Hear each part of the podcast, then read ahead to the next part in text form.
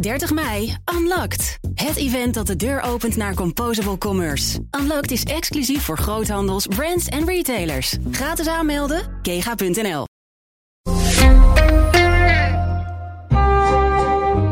De Perestrooikast. Een blik op Oost-Europa.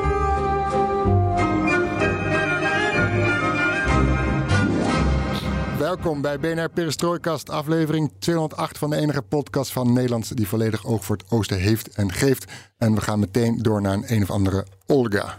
Просто для понимания, почему это важно России. Накануне, например, во время 17-й по счету сходки в формате «Рамштайн» нынешний премьер Нидерландов Рютте пообещал Зеленскому истребители. Там сейчас идет спор по количеству истребителей. То ли 11, то ли 17, но к власти приходит Билдерс, который в своей предвыборной программе заявил, что откажется от помощи Украине в войне. Также уже говорила, Вилдерс выступает за немедленные переговоры и за то, чтобы из Голландии уехали все украинские беженцы. Een van de felste Russische propagandisten, Olga Skabeva, eh, benadrukt me al te graag de impact van de verkiezingsoverwinning van Geert Wilders. De uitslag is dik in het nadeel van Oekraïne. Zo schotelt zij de Russische tv-kijker voor. Er zit wel een, een klein beetje een onwaarheid in, maar eh, daar komen we vast over te spreken. Ja, en daarmee zijn we meteen bij het onderwerp van deze aflevering. Hoe kijkt onze regio naar de Nederlandse verkiezingsuitslag met Wilders als winnaar? Goede uitspraak had ze wel van Wilders, moet ik zeggen. Ja, ja ik vond Route ook leuk. Ehm, gaat de vlag in de top bij het Kremlin? Is Kiev in mineur? Wat is de impact op de oorlog in Oekraïne? En ehm, worden wij een, een Hongarije, een Polen onder PiS? Dat bespreken we met onszelf, Geert-Jan hier, en met Hubert Smeets van Raam op Rusland.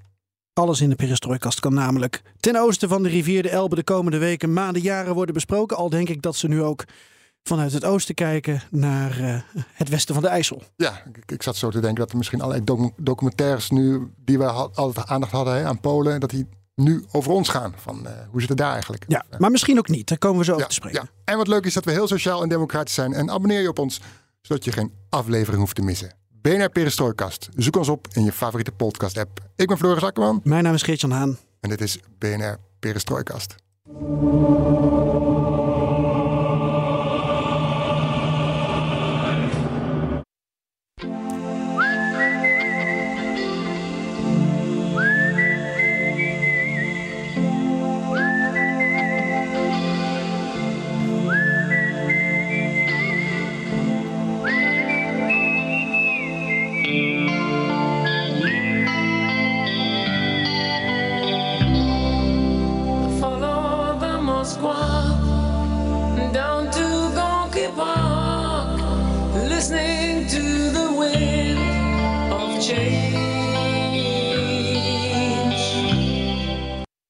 Triomfantelijk stuurde Viktor Orban vorige week een tweet de wereld in met...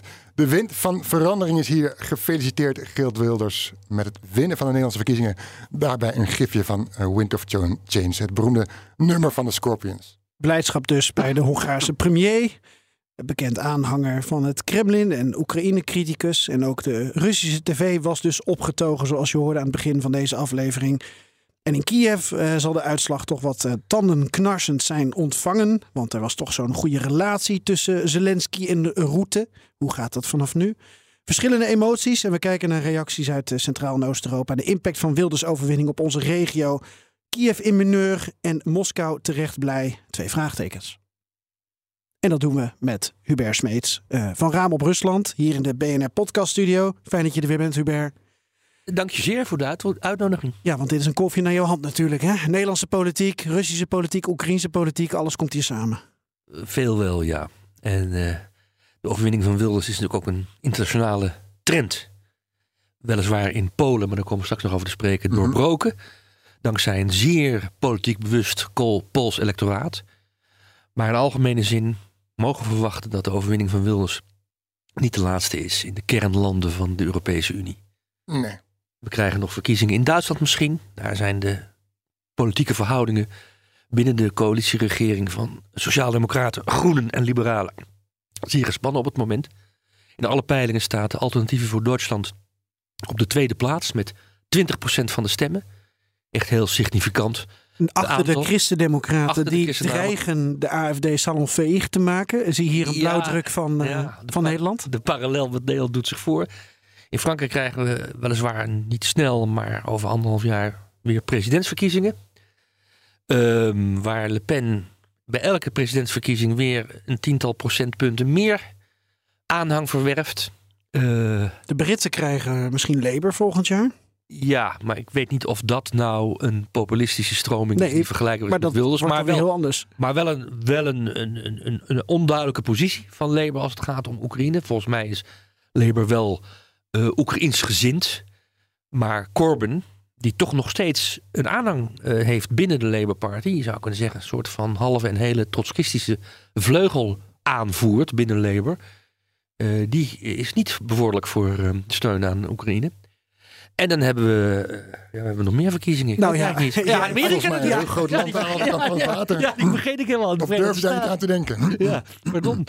Nou, ik vind het wel mooi, want eh, eh, ja, Floris, jij hebt deze uitzending voorbereid. En natuurlijk helemaal gericht op nou, de, oostkant van de Elbe. Ja. We zijn begonnen richting het westen. Het, het, het hangt allemaal samen ook waarschijnlijk. hè. Het heeft, vloeit allemaal in elkaar over en het, het beïnvloedt elkaar. Dus wat dat betreft kun je niet eh, los zien van alleen, alleen dit gebeurt alleen in Nederland of dit gebeurt alleen in Hongarije. Nee, maar ik ben heel benieuwd of we Nederland niet ehm, groter maken dan het daadwerkelijk eh, is. Eh, daar gaan we het over hebben. Van wordt hier een zaadje geplant dat mogelijk tot iets groters leidt? Wat we nu nog niet echt goed kunnen, kunnen stellen. Waar we wel angst voor kunnen hebben, maar wat we ook niet helemaal zo kunnen analyseren.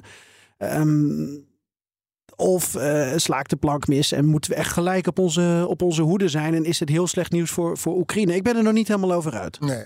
Nou ja, laten we even beginnen. We- Je, je hebt net over die uitnodiging die ik stuurde aan jou, eh, Hubert. eh, donderdagochtend, de- de ochtend na de verkiezingsuitslag. Je was meteen aan het druk aan het tikken ehm, om die te duiden eh, vanuit Russisch perspectief. Vooraan. En de Oekraïns vooral, ja. Je, je voelde meteen de behoefte om iets, eh, Om iets op te schrijven, ja, voor onze, onze website. Ja, omdat deze... eh, kort gezegd, Nederland is van een, Euroscept, een Oekraïne-sceptisch land in 2016. Dat zijn we allemaal vergeten. Hè? Maar Mhm. in 2016, weliswaar, was de opkomst waardeloos met iets meer dan 30% Maar goed, van die 30% stemde toen meer dan 60% tegen het associatieverdrag van, eh, tussen Oekraïne en de Europese Unie. En daarmee heeft Nederland zichzelf op de kaart gezet in Oekraïne. In negatieve zin. Het is ook niet toevallig dat Wilders ehm, in, die, in dat referendum toen een grote rol speelde. Eh, en het is ook niet toevallig dat Rutte sinds 2016 eigenlijk geen één keer in Oekraïne geweest is totdat de oorlog op uitbreken stond in 2022. Ehm, Ook al was MH17 al gebeurd. MH17 was gebeurd. eh, de oorlog in Donbass was eh, in, volle hevigheid losgebarsten. De Krim was geannexeerd. Nederland had met de hakken over de sloop, sloot met een soort van inlegvelletje het associatieverdrag met de Oekraïne toch nog gered binnen de Europese Unie. Maar Rutte zelf stond er niet goed op in Oekraïne. En eh, kennelijk zag je dat zelf ook, want hij is nooit geweest. Hij kwam geloof ik in januari 2022. voor Niemand kwam eerst. in Oekraïne. Nee, iedereen uit. Oekraïne. Ja, waar. vloog over Oekraïne heen naar Moskou. Dat ja, was eigenlijk, eh, ja, eigenlijk was iedereen in Oekraïne wel weer een beetje vergeten. Behalve ja, lagere politici uit Duitsland, Nederland in mindere mate. Eh, vooral uit Duitsland wel hoor. De, de, de Groenen en eh, eh, bijvoorbeeld in Duitsland en de Christen-Democraten in Duitsland hebben altijd wel die contacten met Oekraïne Mhm. gehouden. Ja, ook omdat ze hun eigen Steinmeier-formule en dergelijke Zeker, ze hebben hadden iets- ze- gemaakt. Ze hadden iets te corrigeren. Maar goed, zelfs dat deden wij in Nederland niet. Nee. Hè, wij probeerden ons niet beter voor te doen dan we waren. We probeerden ook niet de, de vrevel die er in de Oekraïne was jegens Nederland wat weg te masseren. Ehm, en dat veranderde allemaal door de oorlog. We moeten niet vergeten dat toen eh, Rutte in 2022, januari volgens mij, was het op bezoek ging. in Ja, begin februari, ik was erbij. Ja, jij was erbij. Nou, Ja. dat hij een nachtje moest wachten voordat hij bij eh, Zelensky werd ontvangen. Ja. Op het presidentiële paleis in Kiev. Ja, want ik mocht eerder komen. Nee, Johnson was er. Hij, en, moest eh, hij moest antichambreren en langer dan alle anderen eh, voor hem en na hem. Er werd een soort veiligheidsalliantie tussen Engeland, Turkije en Polen opgezet. En eh, Nederland maakte geen onderdeel daarvan uit, want wij waren helemaal niet bezig met een veiligheidsgarantie voor Oekraïne. Ja, een paar helmen kwamen we brengen. Dus, Helmen, daar ging het toen. in. ja, dus Zelensky zette Rutte en Hoekstra met hun goede bedoelingen gewoon eventjes nog wat langer in het hotel. ja. Maar, Maar goed, Helmen Hè? en Helmen daarna, en daarna... van Helmen kwamen we bij de F-16. Precies. Dus er is ongelooflijk veel veranderd in, in Nederland. En die coalitie in, eh, in, de- in de Tweede Kamer was op zich heel stabiel. Tot vorige week. Eh, want de oppositiepartijen, PvdA, eh, D66 en GroenLinks, hebben nooit van hun oppositiestatus misbruik gemaakt door de steun voor Oekraïne ter discussie te stellen of daar een politiek punt van te maken. Of, of juist omgekeerde nog meer steun te eisen aan Oekraïne.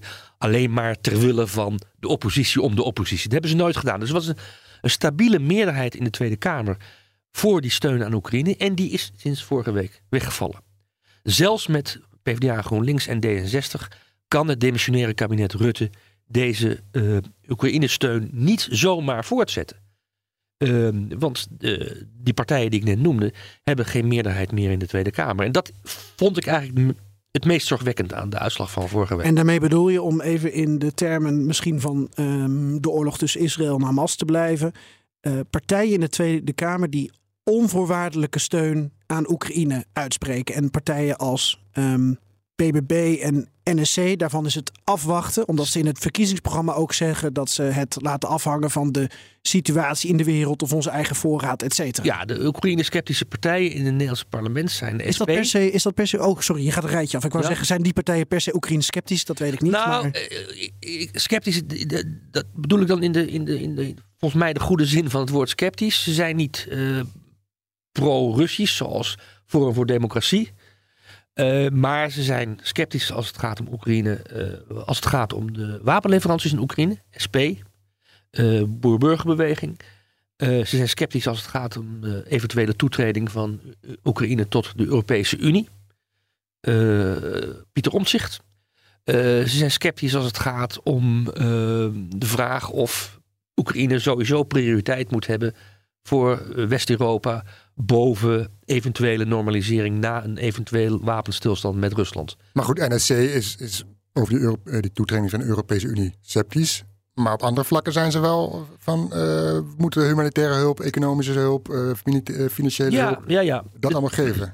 Dat is zeker zo. Dus het is zeg maar geknipt in twee... Ja, maar mijn De indruk. oorlog en de Europese toetreding. Ja, dat zijn verschillende dingen. Maar die Europese toetreding is voor Oekraïne wel van een cruciale betekenis. Mhm. En ehm, voor, voor eh, Oekraïne is dat kandidaatlidmaatschap misschien wel net zo belangrijk als de levering van F-16's. Op langere termijn belangrijker, op korte termijn iets minder belangrijk dan F-16's. En eh, we weten niet precies hoe die eh, positie van nieuw sociaal contract, hoe dat verkiezingsprogramma gaat uitwerken. En dat is natuurlijk oneerlijk wat ik nu zeg, omdat het programma helder is. Floris, je zei al wat daarin staat.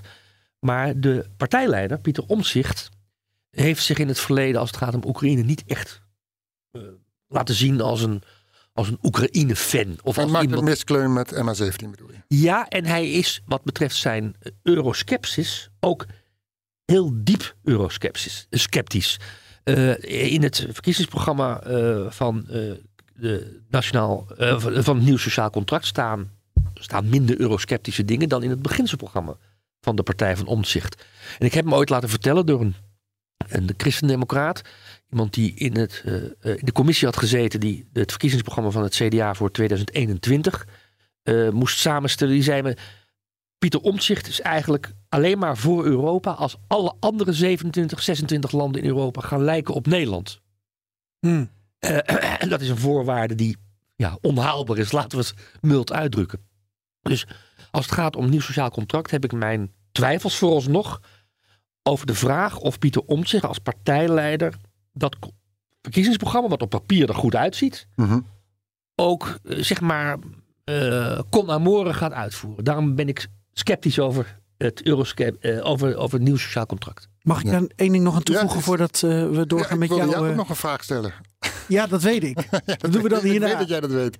Eh, eh, mijn eerste gedachte eh, bij bijvoorbeeld een nieuw sociaal contract of BBB of andere partijen ehm, die eh, nog niet helemaal concreet in hun programma eh, zeggen dat ze onvoorwaardelijk Oekraïne steunen, die daar ruimte voor overlaten. Ehm, En, en, en de neiging hebben om eerst te zeggen: eerst moet onze eigen defensie op orde zijn. Nou, dan zit je alweer meer richting de PVV aan te schuren, natuurlijk. Zo is het. Ik moest aan Meloni denken, aan Italië. Waarbij er eh, verkiezingen waren eh, toen eh, Meloni met de Fratelli d'Italia aan de macht kwam. En we allemaal dachten dat zij pro-Russisch, ehm, een pro-Russische premier zou worden in Italië. En uiteindelijk, omdat er veel draagvlak was voor een pro-Oekraïnse houding. ehm, ook, ook pro-Oekraïnser dan, dan we de Italianen eigenlijk kennen. Of in ieder geval anti-Russischer misschien dan we de Italiaan, Italianen kennen is zij toch van, van kant geswitcht. Eh, ze heeft zich ook daarmee in Europa eh, proactiever eh, opgesteld en als een werkbaar persoon, waardoor ze haar eigen, ik noem het nog even, cultureel conservatieve programma makkelijker in eigen land kon uitwerken. Want nou ja, je ziet het met Orbán en je ziet het met Polen. Die werden constant natuurlijk op de vingers getikt. Alles wat ze deden in eigen land werd gekoppeld aan, aan, aan de rechtsstaat en aan gelden in Europa. Dat was een soort hè, ehm, link telkens. En, en Meloni heeft gedacht, als ik me nou in Europa wat proactiever opstel en wat, wat meer meega, dan eh, zitten ze wat minder op mij te letten in eigen land. En eh, de pro-Oekraïne houding was daar een heel duidelijk voorbeeld van, volgens mij. Want dat zagen we eigenlijk niet goed aankomen, dat zij die switch zou maken. En ik vraag me dus af hoe Nederlandse partijen, die niet concreet zijn in hun programma, of die niet de andere kant op gaan bewegen. Dat zodra het draagvlak in Nederland, wat nu 85% is, maar natuurlijk telkens wel een heel klein beetje afneemt. Als dat draagvlak voor Oekraïne in onvoorwaardelijke steun gaat afnemen, of die partijen dan als eerste zeggen: wij gaan ook van kant wisselen en wij komen weer op voor wat Wilders de Nederlander noemt. Dat is een korte gedachte die ik heb. Nou, je zag ook volgens mij bij, bij PiS in het begin. Die was helemaal niet zo pro-Oekraïne, die oorlog steunen, totdat ze ook merkte dat dat draagvlak Toen was er heel veel solidariteit Ja. in de samenleving En voor het toen- opnemen van de Oekraïners, voor het steunen van de Oekraïners. Die ook, zagen het als een eh, gezamenlijke strijd mee. tegen Rusland. Toen moest PiS mee. Ja, dus Ja, dat is heel goed mogelijk. Deze redenering van eh Gert-Jan eh, is denk ik heel plausibel zelfs. De, deze uitslag van de vorige week eh, in- bij de Tweede Kamerverkiezingen wijst op een naar binnen gekeerdheid van het Nederlandse electoraat. Dus we zijn met onszelf bezig. Eh, en eh, Oekraïne hoort daar niet bij. Als dan ook nog eens de Verenigde Staten langzaam maar zeker wat handen gaat aftrekken van Oekraïne. En niet openlijk, dat zal Biden niet doen, maar feitelijk wel. Hè, door meer aandacht te geven aan Israël-Gaza. Door eh, straks helemaal in- betrokken te raken in het verkiezingscampagne. Want die begint vol. dat gaat. Over twee maanden Mhm, in, in, in, de, in de Verenigde Staten. En dan ligt de buitenlandse politiek van de Verenigde Staten niet plat. Maar dan wordt hij wel een beetje op sterk water gezet, laat ik het zo zeggen. Ehm, op dat moment zou eh, Europa eigenlijk de vlag moeten overnemen van de Verenigde Staten. Je zou, een idee wat ik helemaal niet zo'n idioot idee vond tot de verkiezingen in Nederland. Je zou kunnen zeggen, als de Amerikanen wat meer zich richten op het Midden-Oosten, dan is het de taak van Europa. Europa dat in het Midden-Oosten eigenlijk toch helemaal geen bal heeft in, in de melk te brokkelen. En niemand luistert in het Midden-Oosten naar de Europese Unie. Behalve dan als we praten over vrede en over verzoening en over wederopbouw. Dan, eh, dan is Europa wel belangrijk. Maar, maar als het gaat om concrete interventies in die oorlog die er nu plaatsvindt, zijn wij niet belangrijk. Dan zou je kunnen zeggen, nou laten we dan onze energie gebruiken om Oekraïne te steunen in de oorlog met Rusland. Dat perspectief, wat al niet zo groot was, laten we eerlijk zijn. Europa zit toch vaak graag te schuilen onder de rokken van de Verenigde Staten. Zeker als het om militaire inzet gaat. Dat perspectief dat Europa eh, eh, de, de, de, de bal zou oppakken. En eh, Europa, de kans dat Europa Oekraïne zou claimen als een Europees thema. Waar Europa een oplossing voor moet vinden. En waar Europa de steun voor Oekraïne moet volhouden en op een hoger niveau moet brengen. Dat perspectief is door de verkiezingen in Nederland wel degelijk achteruit gegaan. Want Nederland is misschien niet zo belangrijk. Ehm, vergeleken bij Polen, bijvoorbeeld als het gaat om Oekraïne. Of vergeleken bij de Duitsland. Nou ja, die coalitievorming van die F-16's. Maar die was, daar was Nederland wel belangrijk in. Dus het, Exact. het pakt zijn momenten. En Nederland, en Nederland is ook economisch natuurlijk gewoon heel belangrijk binnen Europa. Dat, is, dat moeten we niet, niet, niet lullig over doen. Eh, dus op dat punt is eh, deze naar binnen gekeerdheid van de Nederlandse politiek op dit moment wel degelijk van invloed, denk ik, op de Europese politiek hier in Oekraïne. We waren eigenlijk nog bij, het in, bij de intro. We hebben tot nu toe vraag 1 gehad Ja, dus van het draaiboek. De vraag was eigenlijk, voelde je behoefte om meteen iets op papier te zetten die donderdagochtend, eh Hubert? En dit is jouw... eh, jouw- Ja, die behoefte voelde ik dus. Wacht maar. Wacht maar.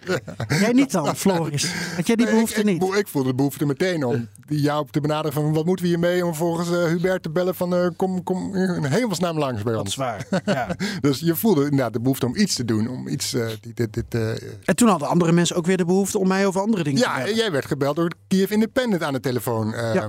Zonder dat je meteen helemaal gaat vertellen eh, wat ze allemaal met je bespraken. Maar jij voelde wel van, eh, zij, zij, zij stonden de nieuwsgierigheid droppen vanaf. Van wat gebeurt hier daar in Nederland dat ons altijd zo steunde onder Rutte. En dat zien we nu ons door de glippers, eh, vingers glippen. Ja, maar dat zag je ook wel aan de Oekraïnse nieuwswebsites. eh, die ook eh, Wilders op de voorpagina plaatsten. En het hadden over.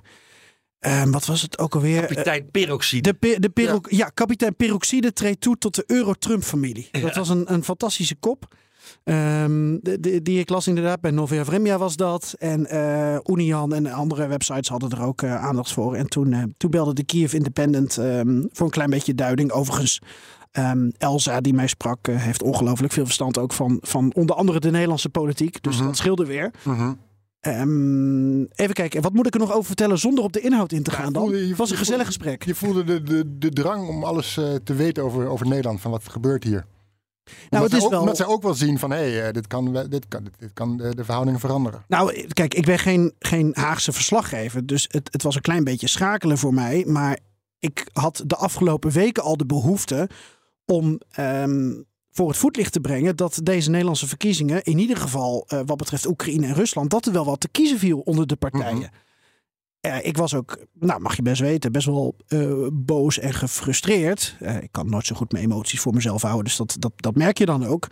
Ehm, over dat na de verkiezingen er ineens heel veel aandacht is voor het Nederlandse buitenlandbeleid. Mhm. We hebben met, met, met Bernard Hammelburg met BNR de Wereld een prachtig buitenlanddebat gehad voor de liefhebber. Eh, Geert Wilders eh, bij Nieuwsuur eh, werd door Marielle Tweebeke over zijn relatie met Rusland en Oekraïne ondervraagd. Had van mij scherper gemogen, had meer mogen worden doorgevraagd. Maar het werd in ieder geval besproken. En that's it. En nu gaan we ineens vertellen over ehm, de relatie tot Oekraïne en Rusland. En mogelijke opt-outs. En over een nexit. En weet ik veel allemaal. De hele buitenlandse pers duikt er bovenop. En nu is het van, van AD tot NRC van nou, wat, wat willen de partijen met het buitenland? Ja, had, Mhm. had dat even eerder gedaan. Toch, Hubert? Ja, ja. Ja, Het was, het, was, het was verbijsterend dat de hele campagne niet over buitenlandse politiek ging. Mhm. Terwijl er zo ongelooflijk veel aan de hand is. Eh, en, eh, Maar goed, dat hebben wij met onze podcast ook niet echt gedaan. Nee, maar eh, kijk, wij. ja, god, hoe moet ik hier. Nou, moet- dan moet ik hier weer in de verdediging gaan. Nee, nee, nee, nee. Nee, maar er is een, een rol weggelegd voor eh, media. En weet je, de, de afgelopen twee jaar, alles en iedereen had het over geopolitiek. Van Oekraïne tot Israël. Mhm. En dan nu ineens tijdens de verkiezingen gaan we het weer hebben over onmogelijke plannen. Onmogelijke sociaal-economische plannen. En we gaan zoeken naar eh, eh, oplossingen op de korte termijn. En we hebben het niet over onze positie in de wereld. Er is niemand die het heeft gehad over dat de NAVO heeft gezegd dat wij naar 300.000 eh, troepen toe moeten.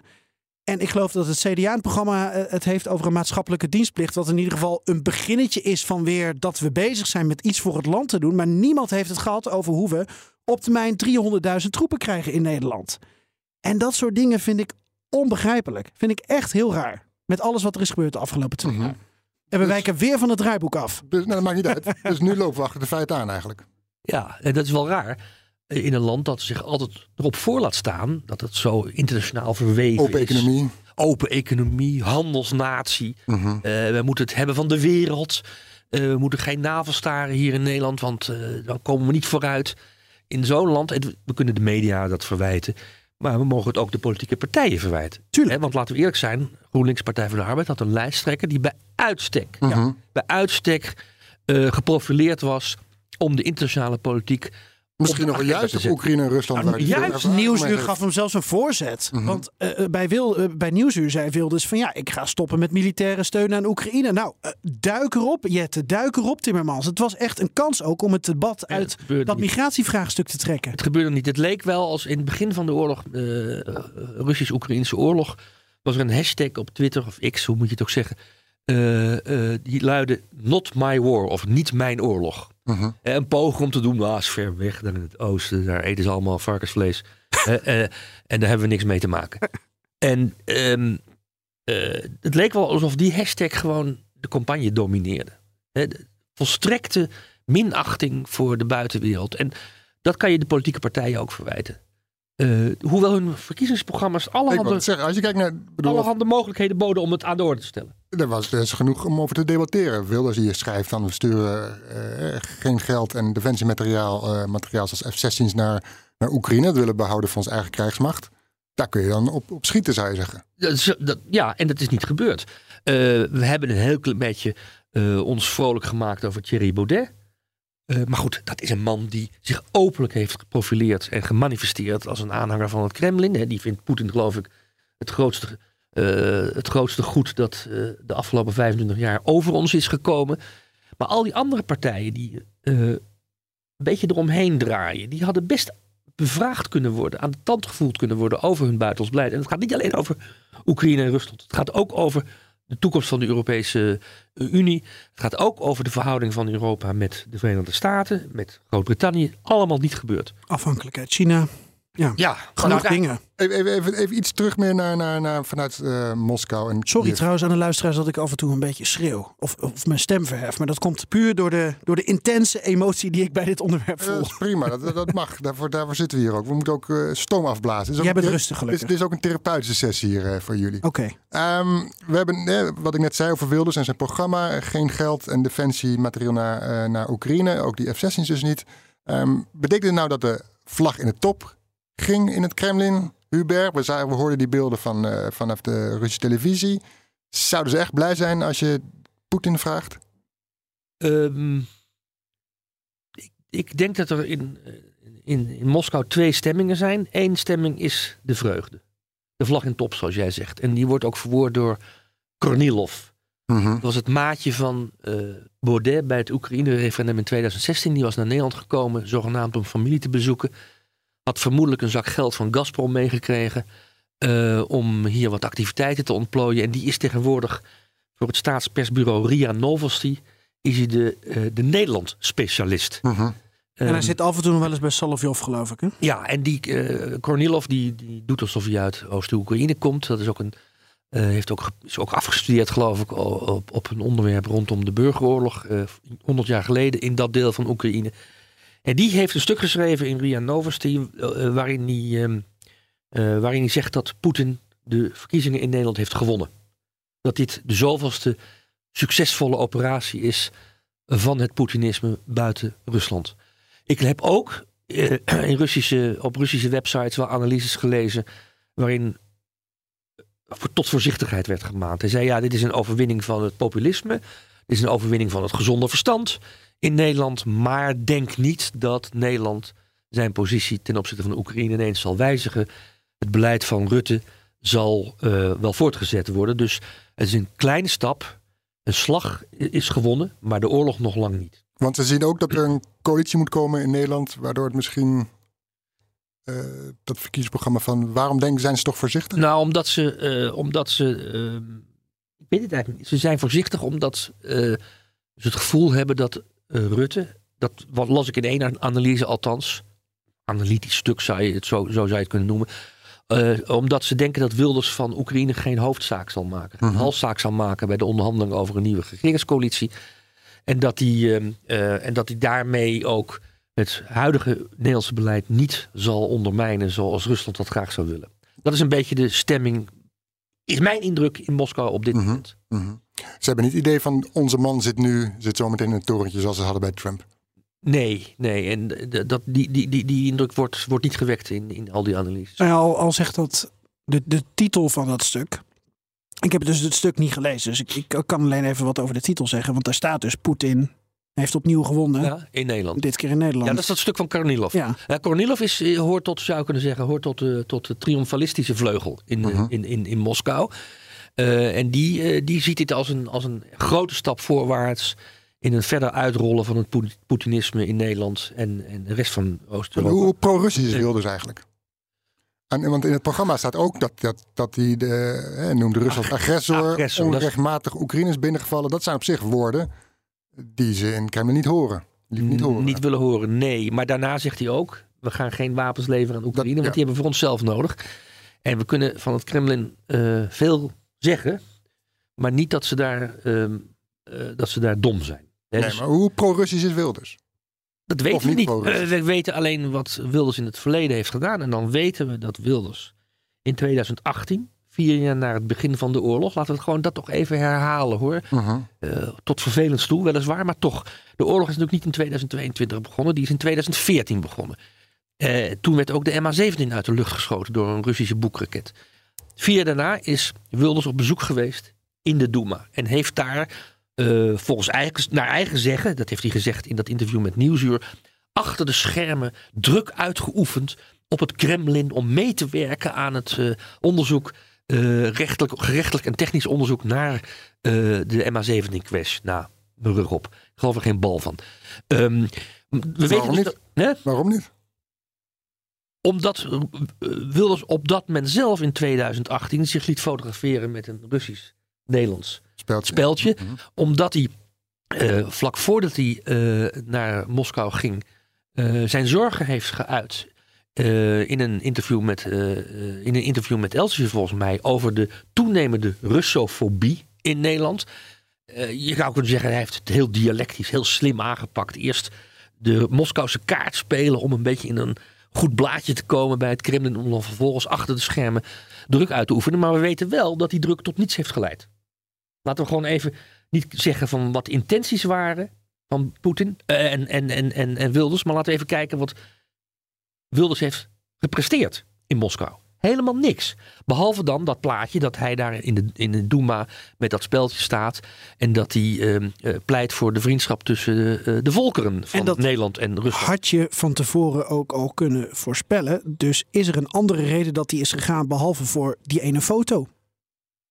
Dat hij in de doemer staat met die speltjes op. Misschien niet. Als vertegenwoordiger van de vriendschapsband. Misschien is, dat, misschien is dat de enige reden dat hij gegaan is. Financieel? Eh, nou, dat weten we niet. Follow the money, eh Laurens Groeneveld, onze oud-collega hier, eh, die, die zat een tijdje geleden samen met Hubert trouwens bij BNR. Toen, toen Laurens een aantal publicaties eh, eh, heeft gewijd aan de banden tussen de PVV en Rusland. En er is al tien jaar lang een relatie eh, die van beide kanten volgens Laurens net niet helemaal tot stand komt. Dat zegt hij wellicht ook omdat er nog geen, geen daadwerkelijke smoking gun is. Maar er zijn banden die, die ze van beide kanten lijken proberen te onderhouden. En dat wordt dan weer als een, als een patroon gezien natuurlijk. Ja, en wat, wat opvalt uit het onderzoek van Follow the Money is dat Wilders heel goed weet dat dat een serieuze kwestie is. Dat hij voorzichtig moet zijn. Want, Hij wil niet het openbaren. want hij wil niet Ja. op de foto staan met Russische hoogwaardigheidsbekleders en andere eh, rechtspopulistische eh, leiders uit Europa. Dus hij voelt heel scherp aan eh, dat hij op, eh, op heel licht ijs schaatst als het gaat om Rusland. Eh, en daar moeten we het mee doen. Dat zijn de feiten die we kennen. Ehm, en we weten eh, dat. eh, we weten in ieder geval wel zeker dat geestverwanten van Wilders Mhm. wel financiële banden hebben met het Kremlin. En dan denk ik met name aan, aan de presidentskandidaat Marine Le Pen. Wier partij toen nog Front National eh, leningen heeft gekregen vanuit Moskou via intermediaire banken in Praag. Niet heel veel geld, 9 miljoen en daarna nog wat, maar toch geld. We weten dat er geestverwante partijen van de PVV zijn die officieel zusterpartijen zijn van de regeringspartij Verenigd Rusland in Moskou. Bijvoorbeeld de Oostenrijkse FPE, ehm, de rechtsliberale partij die daar korte tijd in de regering heeft gezeten. En we weten, dat is weliswaar geen geestverwant van Wilders, maar we weten dankzij heel goed en ook onthutsend boek van twee Duitse journalisten, ehm, hoe diep Poetin, hoe diep Rusland, hoe diep Gazprom als vooruitgeschoven post van de Russische staat in Duitsland is geïnfiltreerd in de politiek. En met name in een netwerk wat gebouwd was rondom en door voormalig bondskanselier Gerhard Schreuder. Dus er zijn En allerhande... vergeet Orbán niet. En, en Orbán, ja zeker. Orbán die, ehm, eh, die objectief en, en, en, en ook op papier zich opstelt als een directe bondgenoot van het Kremlin. In het hart van Europa. Dat is toch. En Orbán is een bondgenoot van Wilders. Dus 1 en 1 is 2, zou je zeggen. Ik denk dat we het nog niet helemaal weten hoe het gaat uitpakken. Eh, om, om, om meerdere redenen. Als Wilders in de coalitie komt. Eén, vanwege het woord coalitie. Dus hij gaat niet zijn eentje bepalen wat het eh, Rusland- of Oekraïne-beleid wordt. De vraag is ook, twee, of dat voor hem een, eh, een breekpunt is. Is het een belangrijk punt voor hem om te maken? Wil hij daarop scoren? Ehm, dat weten we nog niet. En punt drie is ook dat we hebben gezien dat hij zich milder eh, aan het opstellen is. eh, zoals ook eh, bij, bij nieuwsuren eh, bijvoorbeeld. We, we weten niet met welke Wilders we te maken hebben. Nee. Maar er zijn verschillende Wilders in toon. En als je kijkt naar het verkiezingsprogramma. Hij is- laat zichzelf zien als milder. eh, Wilders als milder. Ik ben milder, een gematigde Nou- toon. Maar in het verkiezingsprogramma... Ja, maar dan hangt denk ik punt 3 ook in zijn geval. Op dit moment zou mijn analyse dat dan zijn. We weten niet hoe dat een paar, over een paar weken is, over een paar maanden. Op dit moment zou mijn analyse ook zijn. Hij kijkt, net als andere partijen, naar het huidige draagvlak. Het is op dit moment nog niet ehm, interessant genoeg om volledig eh, de schuld van onze financiële problemen in die van de Oekraïners eh, te schuiven. Hè, dus wij steunen Oekraïne, kan dat geld niet naar ons toe. Maar als er een moment komt, waar we het over hadden, dat eh, Trump bijvoorbeeld aan de macht komt en dat er dus meer sympathie ook komt voor dat standpunt, ja, dan zou hij zomaar een, een wolf in schaapskleren kunnen zijn. Ja, maar er is tussen. Er is meer dan zwart en wit. Er zijn meer smaken. Er is ook iets tussen. En dat is een heel reëel perspectief. Zelfs als Trump niet aan de macht komt in de Verenigde Staten. Dat is het perspectief dat Oekraïne van de voorpagina verdwijnt van de eh, eh, kabinetsagenda, om maar zo te zeggen. Wat, wat zeggen trouwens nog even over die financiering? Dus er is eh, een motie ingediend. eh, door... Ja, dat zit je nu een beetje bij elkaar te googelen. Nee, nee, nee, dat had ik vergeten eh, op te vragen, Oké. eh, Ja. te noteren. Eh, dat gaat over onderzoek voor politieke partijen, politici en belangenorganisaties in Nederland. Of die gefinancierd zijn met geld uit Rusland of met geld van Russische rechtspersonen. Indien Jesse Klaver, maar ook eh, Pieter Omzicht. De enige partij die daarvan dan eh, tegenop is, tegen die motie, daar zullen misschien wel wat haken en ogen op, op zijn, eh, is PVV. Ja. Die dus niet wil dat het dus wordt onderzocht. Wordt er onderzocht. Ja. En ze hebben ook een keer gestemd tegen een motie waarin de, de relaties tussen de Zuidas en de Russische Ja. zakenwereld werden onderzocht. Daar waren ze ook niet voor. Dus je, als je kijkt naar hun gedrag, dan zie je twee dingen. Dat ze of, om het maar even ouderwets te zeggen, objectief het Kremlin in de kaart spelen met dit soort stemgedrag. En Mhm. Vooral iets niet uitzoeken. Of dat ze gewoon niet geïnteresseerd zijn. En dat is de, de zorg die volgens mij wel realistisch is. Niet dat Wilders ineens het Nederlandse Oekraïne-beleid 180 graden gaat draaien. Daar hoeven we niet meteen rekening mee te houden. Maar wel dat de belangstelling van Oekraïne langzaam weg-ebt. Dat het niet meer ehm, de prioriteit is van de premier die Wilders gaat leveren als hij het niet zelf wordt. Ehm, en dat daarmee de positie van Nederland in de voorhoede van de F-16-coalitie Mhm. eh, verdwijnt. En dat Nederland in de, ja, in de achterhoede, of althans eh, in de groep van de zwijgende meerderheid terechtkomt. En dat zou denk ik heel slecht zijn voor Oekraïne en ook slecht voor Nederland. Want Nederland heeft juist de afgelopen jaren zich van zijn Oekraïnse kant laten zien. En dat was positief voor het imago van Nederland in Europa en zeker ook in Oekraïne. Ja, Jan, is, is Oek- Oekraïne mineur, denk je? Hebt Ik vind dat een moeilijk... Je hebt eh, niet allemaal gesproken, maar als je zo, zo Hubert zo hoort. ehm, eh, Nederland van de voorhoede naar de achterhoede. nou, Die kans aanwezig. Eh, Het antwoord dat, dat ik probeer te geven, dat komt denk ik een beetje overeen met wat Hubert zegt over dat er verschillende kleuren zijn. En dat niet alles wit of alles zwart is. Zal Zelensky zich zorgen maken? Ja, want hij heeft op op dit moment gewoon met, met Rutte een, een, gouden gabber. Die hem echt steunt door dik en dun. eh, Hem heel veel lijkt eh, te bellen. En Rutte is heel goed in dat ehm, publicitair voor het voetlicht te brengen. Dus dan hou je het op de voorpagina's inderdaad. Ollongren doet dat ook. Ehm, Hoekstra deed dat ook. Eh, toen kreeg je Hanke Bruinslot, maar die is druk natuurlijk met Israël. Dus dat, dat kun je haar verder niet, eh, niet aanrekenen. We weten, we weten gewoon nog niet hoe dit verder gaat uitpakken. We weten dat er half december een uitbreidingstop onderwerp eh, staat op de agenda van de Europese Unie. Ehm, En wat zullen dan eh, de standpunten van de landen worden? En bijvoorbeeld dat van Nederland. Want eh, verkondigen we dan het demissionaire standpunt? Of verkondigen we het, het standpunt van de net geïnstalleerde Tweede Kamer? Waarvan we dus eigenlijk ook constateren dat we voor een deel nog niet weten wat dat standpunt is. Eh, zal het een tandje minder zijn, een onsje minder, heel veel minder? Eh, er zal een zekere vorm van terughoudendheid in zitten, maar in hoeverre raakt dat Oekraïne direct? Kijk, in het geval van Slowakije zagen we Fico kwam, eh, kwam aan de macht. Die won, ook, die won de verkiezingen en die is ook uiteindelijk ook de premier geworden met een, een, een voor Oekraïne zeer slechte regering, zeer slechte coalitie. Maar Slowakije had eigenlijk het meeste aan militaire steun al gegeven. Ehm, zou verder niet meer zoveel kunnen doen. En daar kun je dan tegenover zetten dat landen als Bulgarije en Griekenland zich weer positiever zijn gaan opstellen ten opzichte van Oekraïne. Dus binnen Europa kan dat zichzelf altijd wel wegstrepen. Maar Nederland is samen met Denemarken eigenlijk de, de, de roerganger van die F-16-coalitie geweest. Heeft, eh, dat zijn de eerste twee landen die hebben gezegd: we sluiten ons aan bij ehm, de veiligheidsgaranties van de G7. Dus een voortrekker die wegvalt, ehm, ja, daar zou de impact wel groot van kunnen zijn op Oekraïne. Maar ik, ik vind het dus heel lastig om nu te zeggen. Want ja, we zitten dit op maandagochtend op, te- op te nemen. En er is weer een, een verkenner na twee dagen opgestapt. We hebben geen idee welke kant dit op gaat. Nee, dat is, dat is op zich gunstig voor Oekraïne. Dat die Dat Schot van Stream weg is. Nou, ik denk niet dat ze daar wakker van liggen in Kiev. Maar ik bedoel te zeggen dat deze kabinetsformatie heel lang gaat duren. Mhm. Eh, afgelopen woensdag, na de, eh, na de parlementsverkiezingen, dacht ik dat het snel zou gaan.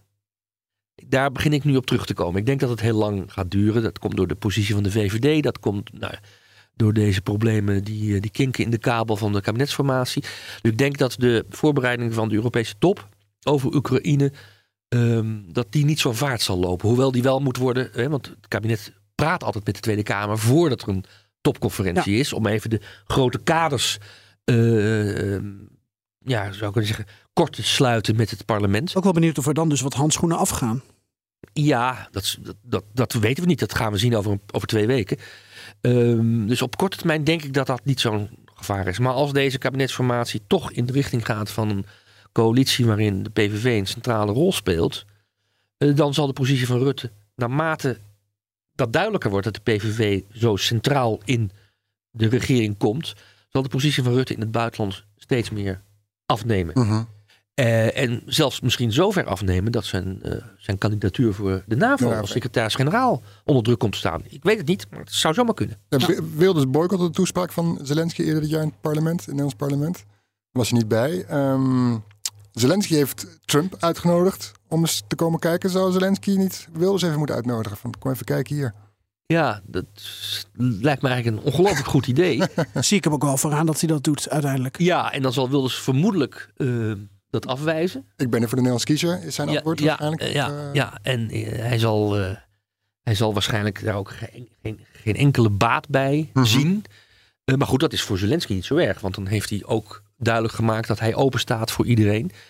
Ehm, ik denk dat het programma van Wilders, het binnenlandse politieke programma van Wilders, in grote delen van Europa helemaal niet zoveel opzien zal baren trouwens. Laten we daar even geen misverstand over laten bestaan.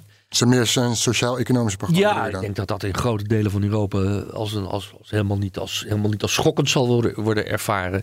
En ook niet in Oekraïne. Dus het zou een heel goed idee zijn van, eh, van, ehm, eh, van eh, Zelensky. Misschien dat hij eerder naar Moskou gaat. Ook dat zie ik hem trouwens niet doen. Want Wilders kunnen we van alles toeschrijven. Maar niet dat hij eh, politiek tactisch Nee, eh, niet bij de tijd is. Dan is. Geert Milders weer veranderd in Geert Wilders. Ja, dat heeft hij helemaal geen belang bij op dit moment. Behalve als Geert Wilders eigenlijk helemaal niet in de regering wil komen. Omdat hij denkt van ik wil liever nog een tijdje in de oppositie zitten tegen een volledig verdeeld kabinet. Zodat ik straks met 40 zetels meer in de Tweede Ka- Kamer kan komen. Maar ja, ik ken zijn kaarten niet, ik ken zijn strategie niet. En jullie waarschijnlijk ook niet. Nee. Dus dat, dit, het is voorbarig om daar iets over te zeggen op dit moment. Nee, het is de, de Nederlandse verkiezingen of deze verkiezingsuitslag komt, zo, zoals ik nu naar kijk, eigenlijk net te vroeg voor eh, Oekraïne. Ehm, als het over een half jaar zou zijn geweest, dan was er iets meer zekerheid misschien over dat, eh, wa- wat Europa voor Oekraïne zou kunnen betekenen met Nederland als roerganger. Dat heeft te maken met dat defensie-experts aangeven dat eh, de beloofde munitie vanuit Europa richting Oekraïne echt traag op gang komt. Maar het is ook een soort diesel. Dus eh, Oekraïne heeft waarschijnlijk, eh, zoals dat met een mooi woord heet, eh, pariteit aan het eind van 2024. Nou, gefeliciteerd. Dat schiet op. Dan Hebben is ze die tijd in Oekraïne? Nou, nee, en dan krijg je nog de vraag: wat gebeurt er met de mensen? Dat, dat is ook aan Oekraïne zelf. Hè? Want Rusland heeft natuurlijk veel meer mensen die ze als kanonnenvoer bovendien eh, in dat front gooien dan, dan Oekraïne doet. Maar wat ik ermee wil zeggen is dat nou ja, Europa heeft traag, maar nu gestaag een traject ingezet. En dat dreigt dus te worden afgesneden, doorbroken. Ehm, Ja, ja, op en eigenlijk zou je dus eh, ook vanuit dat draagvlak waar we het over hebben, heb je op een gegeven moment wel weer een Oekraïns succes nodig aan het front. Om dat naar buiten toe te kunnen verkopen. En te zeggen van kijk, jullie steun helpt. En wij Nederlanders zijn heel simpel. Wij kijken puur naar eh, hoeveel gebied Oekraïne terugverovert. En dan kunnen we zeggen van oh, dat komt door onze wapens. En dan gaat onze steun in de barometers weer omhoog. Dan gaat onze draagvlak weer omhoog voor Oekraïne. En dan heb je ook een premier van coalitie die zich daar naartoe gaat verhouden. Eh zie Maloney bijvoorbeeld. Dus wat dat betreft ko- komt deze uitslag dus eigenlijk net te vroeg. Omdat er net te weinig vet op de botten zit. Om die, die, die garantie op succes eigenlijk al eh, waar te kunnen maken. Daar zit ik, daar zit Ja. ik de hele tijd aan te denken. Ja, maar we moeten het dus doen met waar we nu in zitten. Fijn dat jij dan weer de, de realist bent hier. Er is nog even een, een fragment eh, vorige week. Wil je, wil je dat nog even laten luisteren dat je had tijdens het buitendebat eh, bij BNR? Ja hoor. Aan de verkiezingen. Ja hoor. Toen had je een onderrondje met Ruben Brekelmans die je vroeg over de steun voor Oekraïne. Ik laat even een stukje van horen. Ik denk dat de vraag ook wel duidelijk wordt waar het om gaat. Eh, meneer Brekelmans, Geert Wilders die wil Oekraïne geen militaire hulp meer geven. U bent daar wel groot voorstander van. Klopt. Is dat voor u een breekpunt om met de PVV in zee te gaan? En ik vraag het oprecht, het is oprecht een belangrijk punt. Logische Nou ja, kijk, het is niet aan mij als woordvoerder buitenlandse zaken om breekpunten te formuleren. Dus dat, dat grote nieuws gaan we nu niet maken hier met elkaar. Ehm, maar kijk, wat ik ook eerder zei, kijk, voor ons is natuurlijk de steun aan Oekraïne is, is mega belangrijk. En dat is niet alleen omdat Oekraïne anders onder de voeten gelopen wordt, maar ook voor onze eigen veiligheid, ook voor de internationale eh, rechtsstaat in Europa. Dus er zijn eigenlijk talloze redenen waarom we die steun moeten doorzetten. Ik heb ook eerlijk gezegd dat ik me enorm veel zorgen maak op dit moment. Dat de steun te weinig is en dat eh, Rusland eigenlijk veel meer op de mat kan leggen dan Oekraïne. Ehm, dus, eh, en er is ook brede politieke steun voor en brede steun in de samenleving. Dus mijn verwachting is dat een volgend kabinet eh, die steun aan Oekraïne zal doorzetten. Dat was een week voor de verkiezingen, voor de uitslag. Ehm, Uiteindelijk ging het hier een minuut of zes over. ja, maar dat heb ik even eruit gehaald. als je Dat snap ik. vindt. Mensen kunnen het zelf, zelf beluisteren. Ja, we zullen hem onder eh, in de show notes zetten. Ehm, een week later, ik denk, denk dat de Brekelmans toch misschien ervan uitging... wij worden de grootste, of we staan in ieder geval aan zet. Ehm, een week later is eigenlijk een totaal andere politieke werkelijkheid. Ehm, met de overwinning van de PVV en het smakelijk verlies van de VVD. Ehm, denk je dat Brekelmans hier natuurlijk via de, per- eh, de, eh, de, de VVD-top blijft staan op wie hulp moet blijven voor Oekraïne? Of zou het toch inwisselbaar zijn? Ik zou denken op dit moment dat die steun wel blijft. Want wat hij aangeeft, eh, ook verderop in dit stukje van het debat, is dat hij verwacht. eh, maar dat is natuurlijk wel een, een makkelijke houding om aan te nemen. Maar hij verwacht dat eh, Wilders op een heleboel punten eh, water bij de wijn doet. Mhm. In dit scenario gaat hij misschien uit van Wilders met de PVV in een, in een coalitie. Niet als grootste, maar dat was wel zijn standpunt. Hij geeft aan dat van alle vele partijen die we in de Tweede Kamer hebben, dat de meeste dus wel voorstander zijn van militaire steun aan Oekraïne. En in dat licht ehm, ja, dacht hij van nou, ik ga niet zeggen breekpunt.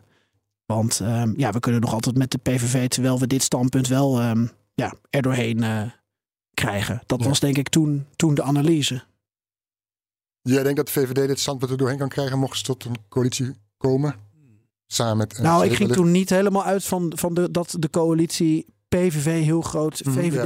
Ja, dat is BBB, eh, NSC verschil. eh, Nee, zou gebeuren. ehm, ik weet het niet. Ik denk dat heel veel afhangt van de vraag die ik niet kan beantwoorden. Ja, hallo, we hebben je uitgenodigd. Ja, maar sorry, ik weet niet wat het, eh, hoe ro- groot de rol is van het team Rutte Mhm. in de eh, onderhandelings- en formatiestrategie van de VVD. Als het team Rutte, dus dat is Rutte zelf, maar ook de mensen om hem heen, dan denk ik bijvoorbeeld aan Ben Verwaaien, stratege die op de achtergrond binnen de VVD een grote rol heeft gespeeld. Of hij dat nog doet, weet ik niet. Als eh, dat team Rutte eh, de vinger aan de pols blijft houden, dan denk ik dat eh, voor de VVD het een breekpunt blijft. wanneer er binnen de VVD chaos uitbreekt, en daar is best kans toe, Mhm. gelet op het feit dat allerhande oudere VVD'ers, mastodonten of hoe je ze ook wil noemen, hun vinger opgestoken hebben al de eerste dagen na de verkiezingen met een mededeling. eh, je moet het zo doen, je moet niet nu al zeggen dat je in de oppositie gaat, je moet niet nu al je verbinden tot niet meer dan een gedoogakkoord, je moet openstaan voor een coalitie met de PVV. Ehm, als, die, als die chaos in de VVD eh, groter wordt, dan zou Oekraïne best eens slachtoffer kunnen worden van een interne uitruil binnen de VVD. Want laten we er geen misverstand over laten bestaan. Politieke partijen zijn in hun formatie eigenlijk altijd met zichzelf bezig. En niet met het beleid. Dat is de kern van de zaak. En dat zou ook voor de VVD kunnen gelden. Ik, Rutte vertrouw ik volstrekt in zijn koers. Maar of ik de rank-and-file VVD'er, eh de, de, de, de Kamercentrale Steenwijk, of die ook staan voor ehm, eh, solidariteit met Oekraïne. Ik weet niet, dat moet blijken. En als we kijken naar NS, NSC, daar staat iemand op de lijst, Casper Veldkamp, die we eerder een uitzending hadden over Polen. Eh, nee, daarbij haal ik hem door elkaar. Die hadden we in de uitzending afgelopen vorig jaar zomer. Casper Ja, dat ging over de relatie tussen Oost en West. En dat Precies. ging ook over dat hij drie jaar lang in Polen had gezeten. Eh, en vanuit daar, eh, we kwamen daarover te spreken omdat hij vanuit daar ehm, eh, toen betrokken was bij de wederopbouw, noem ik het even, van Polen na de val van de muur. Toen het wat meer bij het Westen werd betrokken. En, en toen gingen we parallel trekken met Ja, Oekraïne. en maar- maar je hoorde wel dat hij daaruit bleek dat hij wel hard heeft voor Oekraïne. Dat zo'n stem moet dan toch ook doorklinken bij NS, NS, NSC. Is eh, Pieter Omzicht dan bereid om eventueel te zeggen van nou laten we dat punt dan ook maar inruilen of niet? Oh jongen, je, je bent wel heel erg op de stoel van de Haagse presentator gaan zitten. ja, ja, ik vind het even leuk. om Hubert en ik beetje- volgen het wel, maar wij zijn geen specifieke duiders Nee, wat maar dat betreft. dat, dat mag ook. Nou, ik denk, mag ik, sorry dat ik even... ja, nou, als jij, als jij een iets specifiekere duider wil zijn, Nou, heel graag. Eh, ik heb de indruk dat Casper Veldkamp, eh, voormalig CDA, Mhm. een man met een hele lange carrière in de buitenlandse dienst van Nederland, dat hij een heel zwaar stempel heeft gedrukt op het verkiezingsprogramma van Nieuw Sociaal Contract. Waarom denk je dat? Omdat het, de, de- het verschil qua toon, sorry voor het woord, het is een modern woord, hè? toon, alles is tegenwoordig toon. En, eh, maar goed, het verschil in toon tussen het verkiezingsprogramma van eh, Nieuw Sociaal Contract en de grondbeginselen die een paar maanden eerder zijn gepubliceerd, enorm groot als het gaat om Europa. Dus in die grondbeginselen van Pieter Omtzigt is eigenlijk Europa geen factor van betekenis. Is alles eurosceptisch qua toon. Eh, Europa mag alleen maar bestaan wanneer het doet wat Pieter Omtzigt vindt dat Europa moet doen. Dat verkiezingsprogramma is veel internationaler georiënteerd, is veel cosmopolitischer. En ik denk dat daar voor een groot deel de hand van Caspar Veldkamp in zit. En dat is positief. En als Caspar Veldkamp ook het oor heeft, sorry voor het cliché, van Pieter Omtzigt, want we weten nog helemaal niet hoe die verhoudingen zijn hè, Mhm, nee. binnen die partij. Eh, als Caspar Veldkamp eh, een belangrijke adviseur is van Pieter Omtzigt, dan ziet het er positief uit. Ja. Maar ik geef toe, dat is wel heel erg geredeneerd vanuit mijn waardering voor Caspar Veldkamp. Ja, ik heb hem op basis van het buitenlanddebat bij BNR. Mhm. En ik heb hem ook beluisterd tijdens eh, een interview dat hij aan Europa Draait Door had gegeven. Heb, heb, heb ik een, een pro-Europeesere en pro-Oekraïnsere houding eh, bij hem geconstateerd. dan je eh, op basis van het verkiezingsprogramma zou doen. Dat Mhm. geldt voor vetorecht, hoe hij daarin staat. Dat geldt voor Oekraïne, hoe hij daarin staat. Je zou ook kunnen zeggen. NSC stelt zich misschien op dit moment een beetje op als de VVD voorheen deed. Namelijk eh, aan de ene kant lijkt het alsof eh, alles op de Nederlander is gericht. Maar als ze eenmaal internationaal meedoen, dan, eh, dan willen ze daar ook eh, geen flater slaan. Nee, en Caspar Veldkamp is een potentiële minister van Buitenlandse Zaken. In zeker. welke coalitie dan ook. Ja. Dat, dat geldt Ja. voor iedereen die in de perestrooikast eh, is geweest. Ja, eh, Hubert. ja, dus dus je wordt binnenkort Je gebeld. wordt genoeg genoemd. Jan hier ook. Schaduwkabinet. Ehm, tot slot even, of bijna tot slot, even een algemene vraag die leeft. eh, denk ik ook wel bij onder de luisteraars. En ook wel, daar kijken wij ook naar. Ehm, eh, bijvoorbeeld Stan vroeg dat. En wij kijken natuurlijk van Polen, Hongarije. Die, zijn, de, die hebben al dit traject afgelegd. Is de kans groot op Pools-Hongaarse toestanden wat betreft rechtsstaat, academische vrijheid en media? Zijn de Nederlandse instituties, rechtsstaat, academische vrijheden en medialandschap sterk genoeg in vergelijking met Polen, Hongarije en Rusland? En dan wilde ik even beginnen, voordat jullie misschien daarop op wat willen zeggen, op een, op een X-draadje van John Mor- Morijn. Die die eh, stuurde de, de, de, de, het internet in, de ether in. Dat is de bijzonder hoogleraar recht en politiek en internationale, internationale betrekkingen aan de Groningse rechtenfaculteit. Ehm weet heel veel van het Poolse recht. Heeft goed contact met Poolse rechters. Eh, was, we hadden hem te gast in aflevering 188 over naar aanleiding van de Poolse verkiezingen. En hij schreef ook: Ik krijg veel de vraag van ja, eh, kunnen wij wat leren van Hongarije en Polen eh, als we dat betrekken op de Nederlandse verkiezingsuitslag? En hij schreef onder andere, ik pik wat punten eruit, onderschat of nuanceer niet dat actieve steun aan een anti-rechtsstatelijke en antidemocratische partij aan het roer veel schade in korte tijd kan aanrichten. Wat Poolse en Hongaarse collega's mij telkens vertelden, achteraf waren we verbaasd over de snelheid van ontwikkelingen. En hij gaat verder. eh, ja, met het hele playbook legt hij dan uit. ja, hoe dat precies. dan, eh, Goed, dat ga ik niet allemaal opnoemen, maar goed, hij begint met de zonneboktheorie, elites, vreemdelingen, LGBT, LGBTQ mensen, eh, het wij-zij-denken. Eh, onafhankelijke journalisten, wetenschappers en activisten komen onder druk te staan, inclusief bedreigingen, intimidatie. het goed praten daarvan. Eh, goed praten. Ehm, hij schrijft, is, dat moet toch een vergezocht en, en, een, eh, en een ver van je bed show voor Nederland zijn? Hij, hij antwoordt zelf, was het maar zo. Ik ken meerdere rechters, journalisten, activisten en wetenschappers die hiermee te maken hebben. Die hun werk nu anders doen, die zich niet meer publiekelijk uitspreken. Het zijn voornamelijk vrouwen. En hij weet ook van die aflevering 188, 188 dat ook, eh, maar dat was volgens mij vooral vanuit Polen, eh, John bedreigingen kreeg. Ja, de lange arm van, Ja, van Warschau ja. reikt tot zijn postvakje Ja. in de- op de universiteit, inderdaad. Dat is eigenlijk zijn. zijn ik, verwijs hem naar zijn eh, Twitter-account als je dat draadje volledig wil lezen. Het is eh, zeker de moeite waard. En de vraag is eigenlijk, gaat het misschien sneller dan we zouden dan we ons gaan wij- realiseren? Gaan wij die kant op, inderdaad. Eh, maar goed, dat is nog te vroeg om te zeggen, lijkt mij. Nou, maar Maar waakzaam. ik denk niet dat we moeten denken dat wij in Nederland van nature rechtsstatelijker zijn Mhm. in ons DNA. Ja. Sorry voor dit cliché weer. eh, dan andere Europese volkeren. Ik denk dat Nederland ook kwetsbaar is. En dat vond ik wel interessant in dat draadje wat je net aanhaalt. Hij zegt ook. En als er dan rechters zijn die zich Ja. verzetten tegen een bepaald regeringsbesluit. omdat het in strijd is met het Europees Verdrag van de Mensenrechten. of de eigen grondwet of weet ik veel wat dan ook. dan is het gevolg niet dat de goede gemeente denkt van hé, hey, de rechterlijke macht heeft gesproken. Nee, dan deugt de rechterlijke macht zelf Mhm. ook niet. En dan richt de aanval zich daarop. En dat is wat we gezien hebben in de Verenigde Staten. Ehm, waarom zou dat niet in Nederland kunnen gebeuren? Er is, je begon deze eh, podcast met eh, Scorpions, Wind of Change. Mhm. Ehm, en dat was een lied wat ging over de val van de muur. Hè? En over de, eh, de verandering die zich in Europa aandiende eind jaren 80, begin jaren 90 van de vorige eeuw. Die wind of change is misschien niet zo dominant nu als toen. Maar één ding maakt, is wel een, eh, heel anders dan eh 40 jaar geleden. eh, 30, ruim 30 jaar geleden, sorry. Dat is dat toen eigenlijk de consensus was over het feit dat het communisme was uitgewoond. Dat het Sovjet-socialisme geen toekomst meer had. Eh, er was consensus over de noodzaak om het vredesdividend, zoals het toen heette, om ten, ten, ten, ten bate van de rechtsstaat, ten bate van de democratie te benutten. En die consensus is op dit moment niet. De strijd die in Polen gevoerd wordt, die in Hongarije gevoerd wordt door een hele kleine gemarginaliseerde oppositie. De strijd die Oekraïne op het slagveld voert tegen de Russische agressie. Die strijd wordt ook in West-Europa voor een deel gevoerd, zij het veel minder zichtbaar. En dat maakt dat de verdedigingslinie van de democratische rechtsstaat veel zwakker is dan het optimisme ten tijde van het lied Wind of Change van de Scorpions.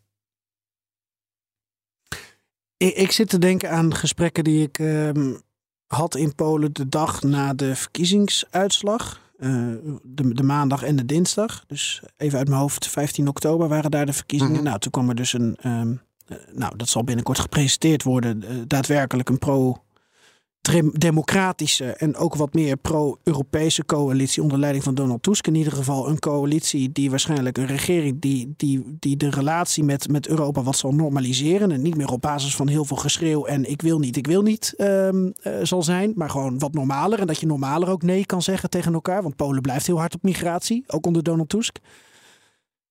Ik had heel veel gesprekken met, ehm, met leraren. Ehm, omdat ik me afvroeg eh, hoe zij keken naar die uitslag. Want daar was een minister van Onderwijs. En eh, de, de eerste jaren van PiS eh, kabbelde het een beetje. Toen had, had je wel heel veel retoriek, heel veel, heel veel blaffen, maar niet zoveel bijten. En er is een punt gekomen dat dus die, die leraren zeiden... ja, nu begint het eng te worden. Nu komen er dus schoolboeken die een bepaalde aan een bepaalde vorm van geschiedsvervalsing doen.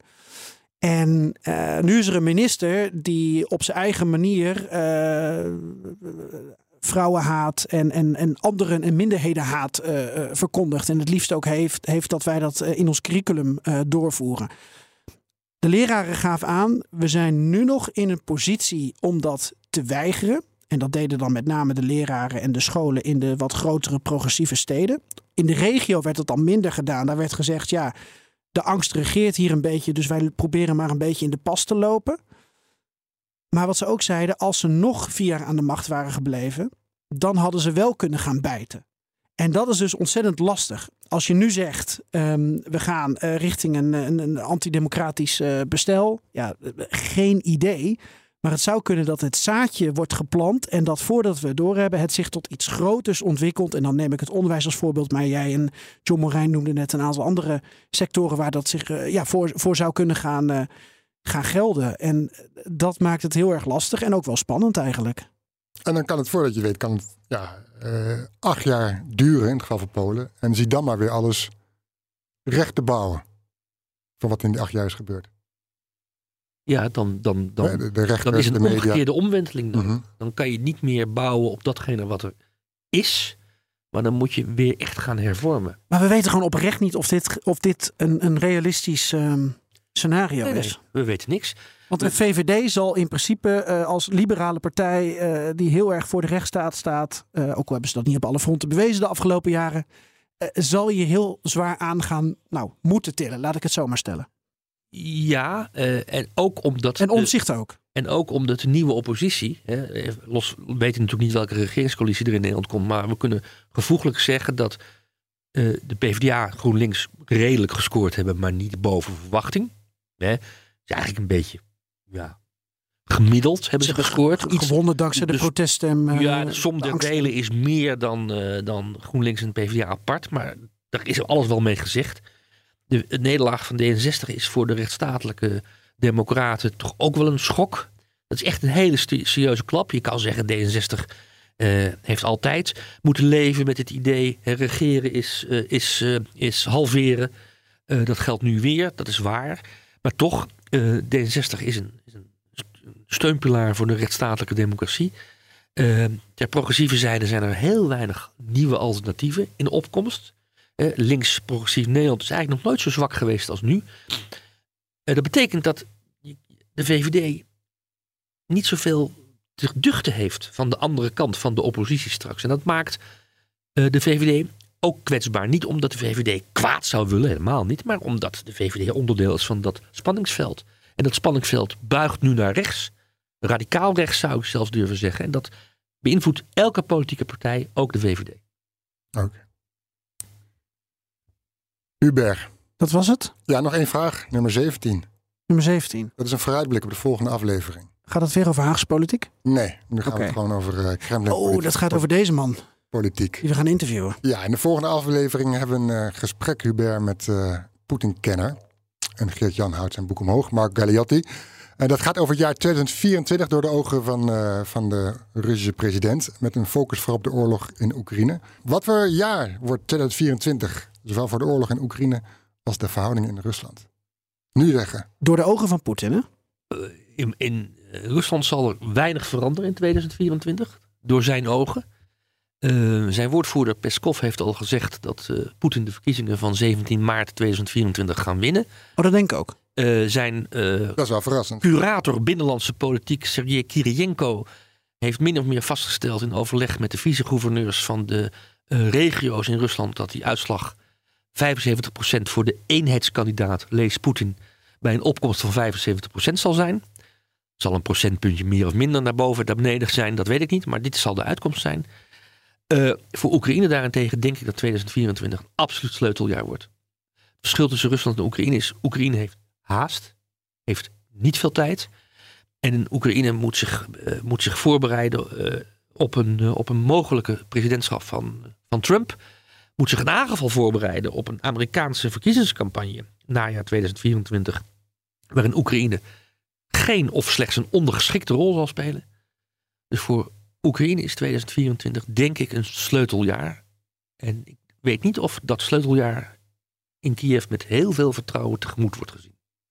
Ik zou zelf sceptisch zijn als ik eh, in Kiev zou wonen en ook misschien wel een beetje verdrietig.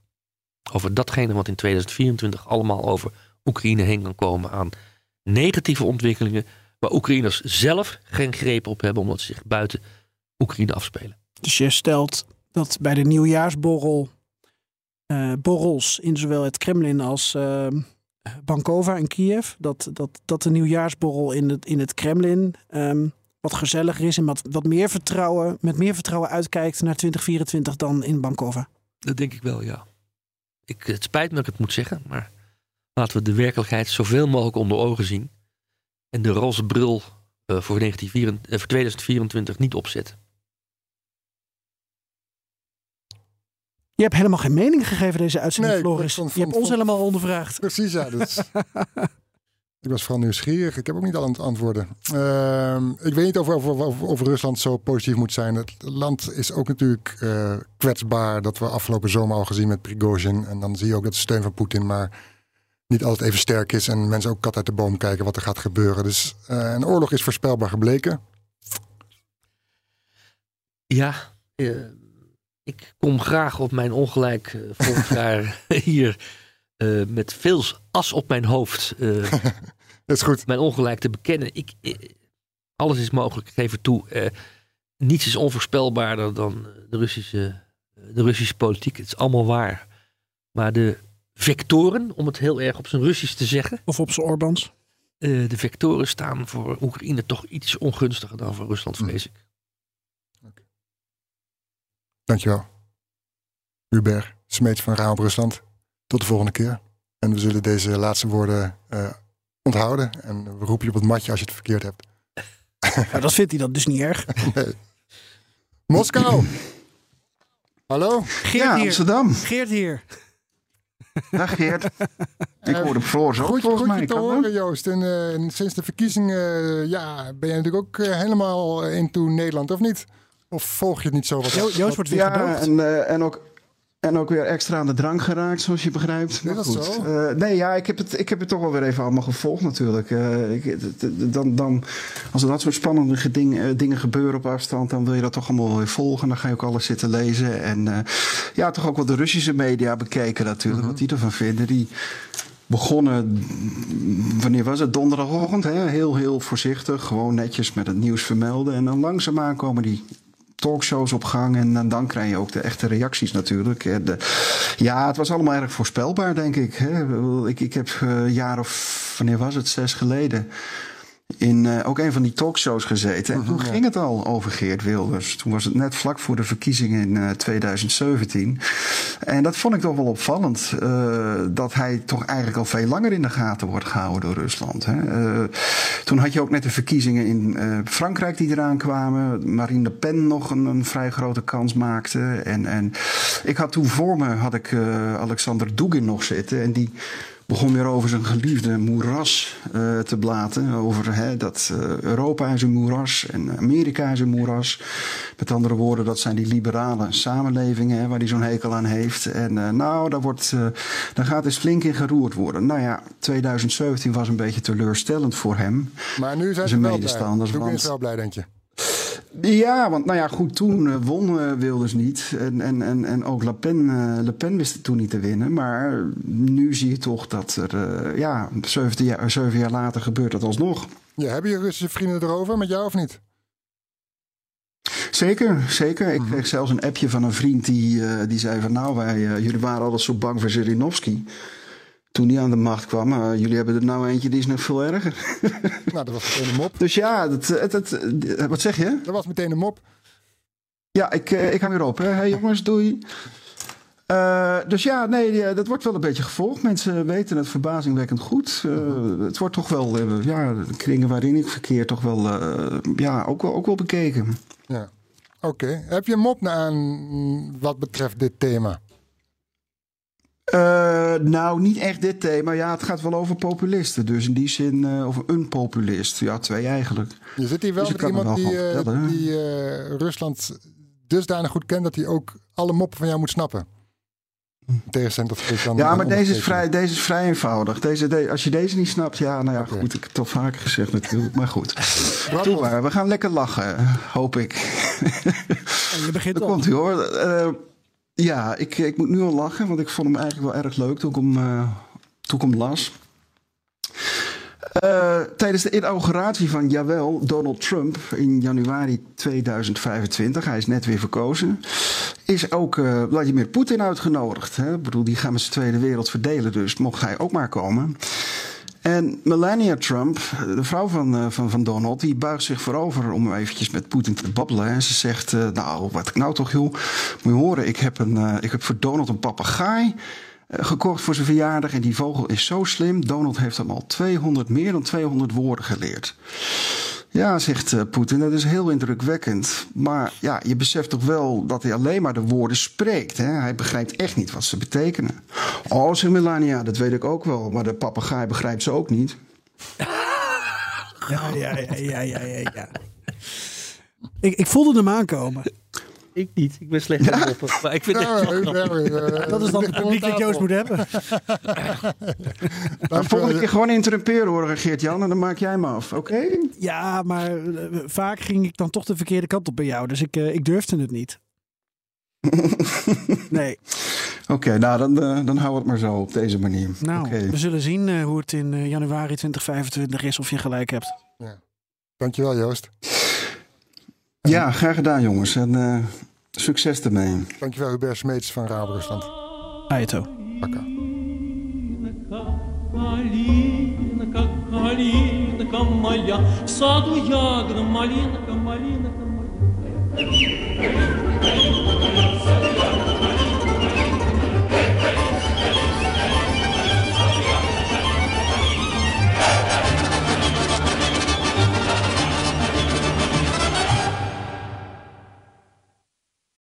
30 mei, Unlocked. Het event dat de deur opent naar Composable Commerce. Unlocked is exclusief voor groothandels, brands en retailers. Gratis aanmelden, kega.nl.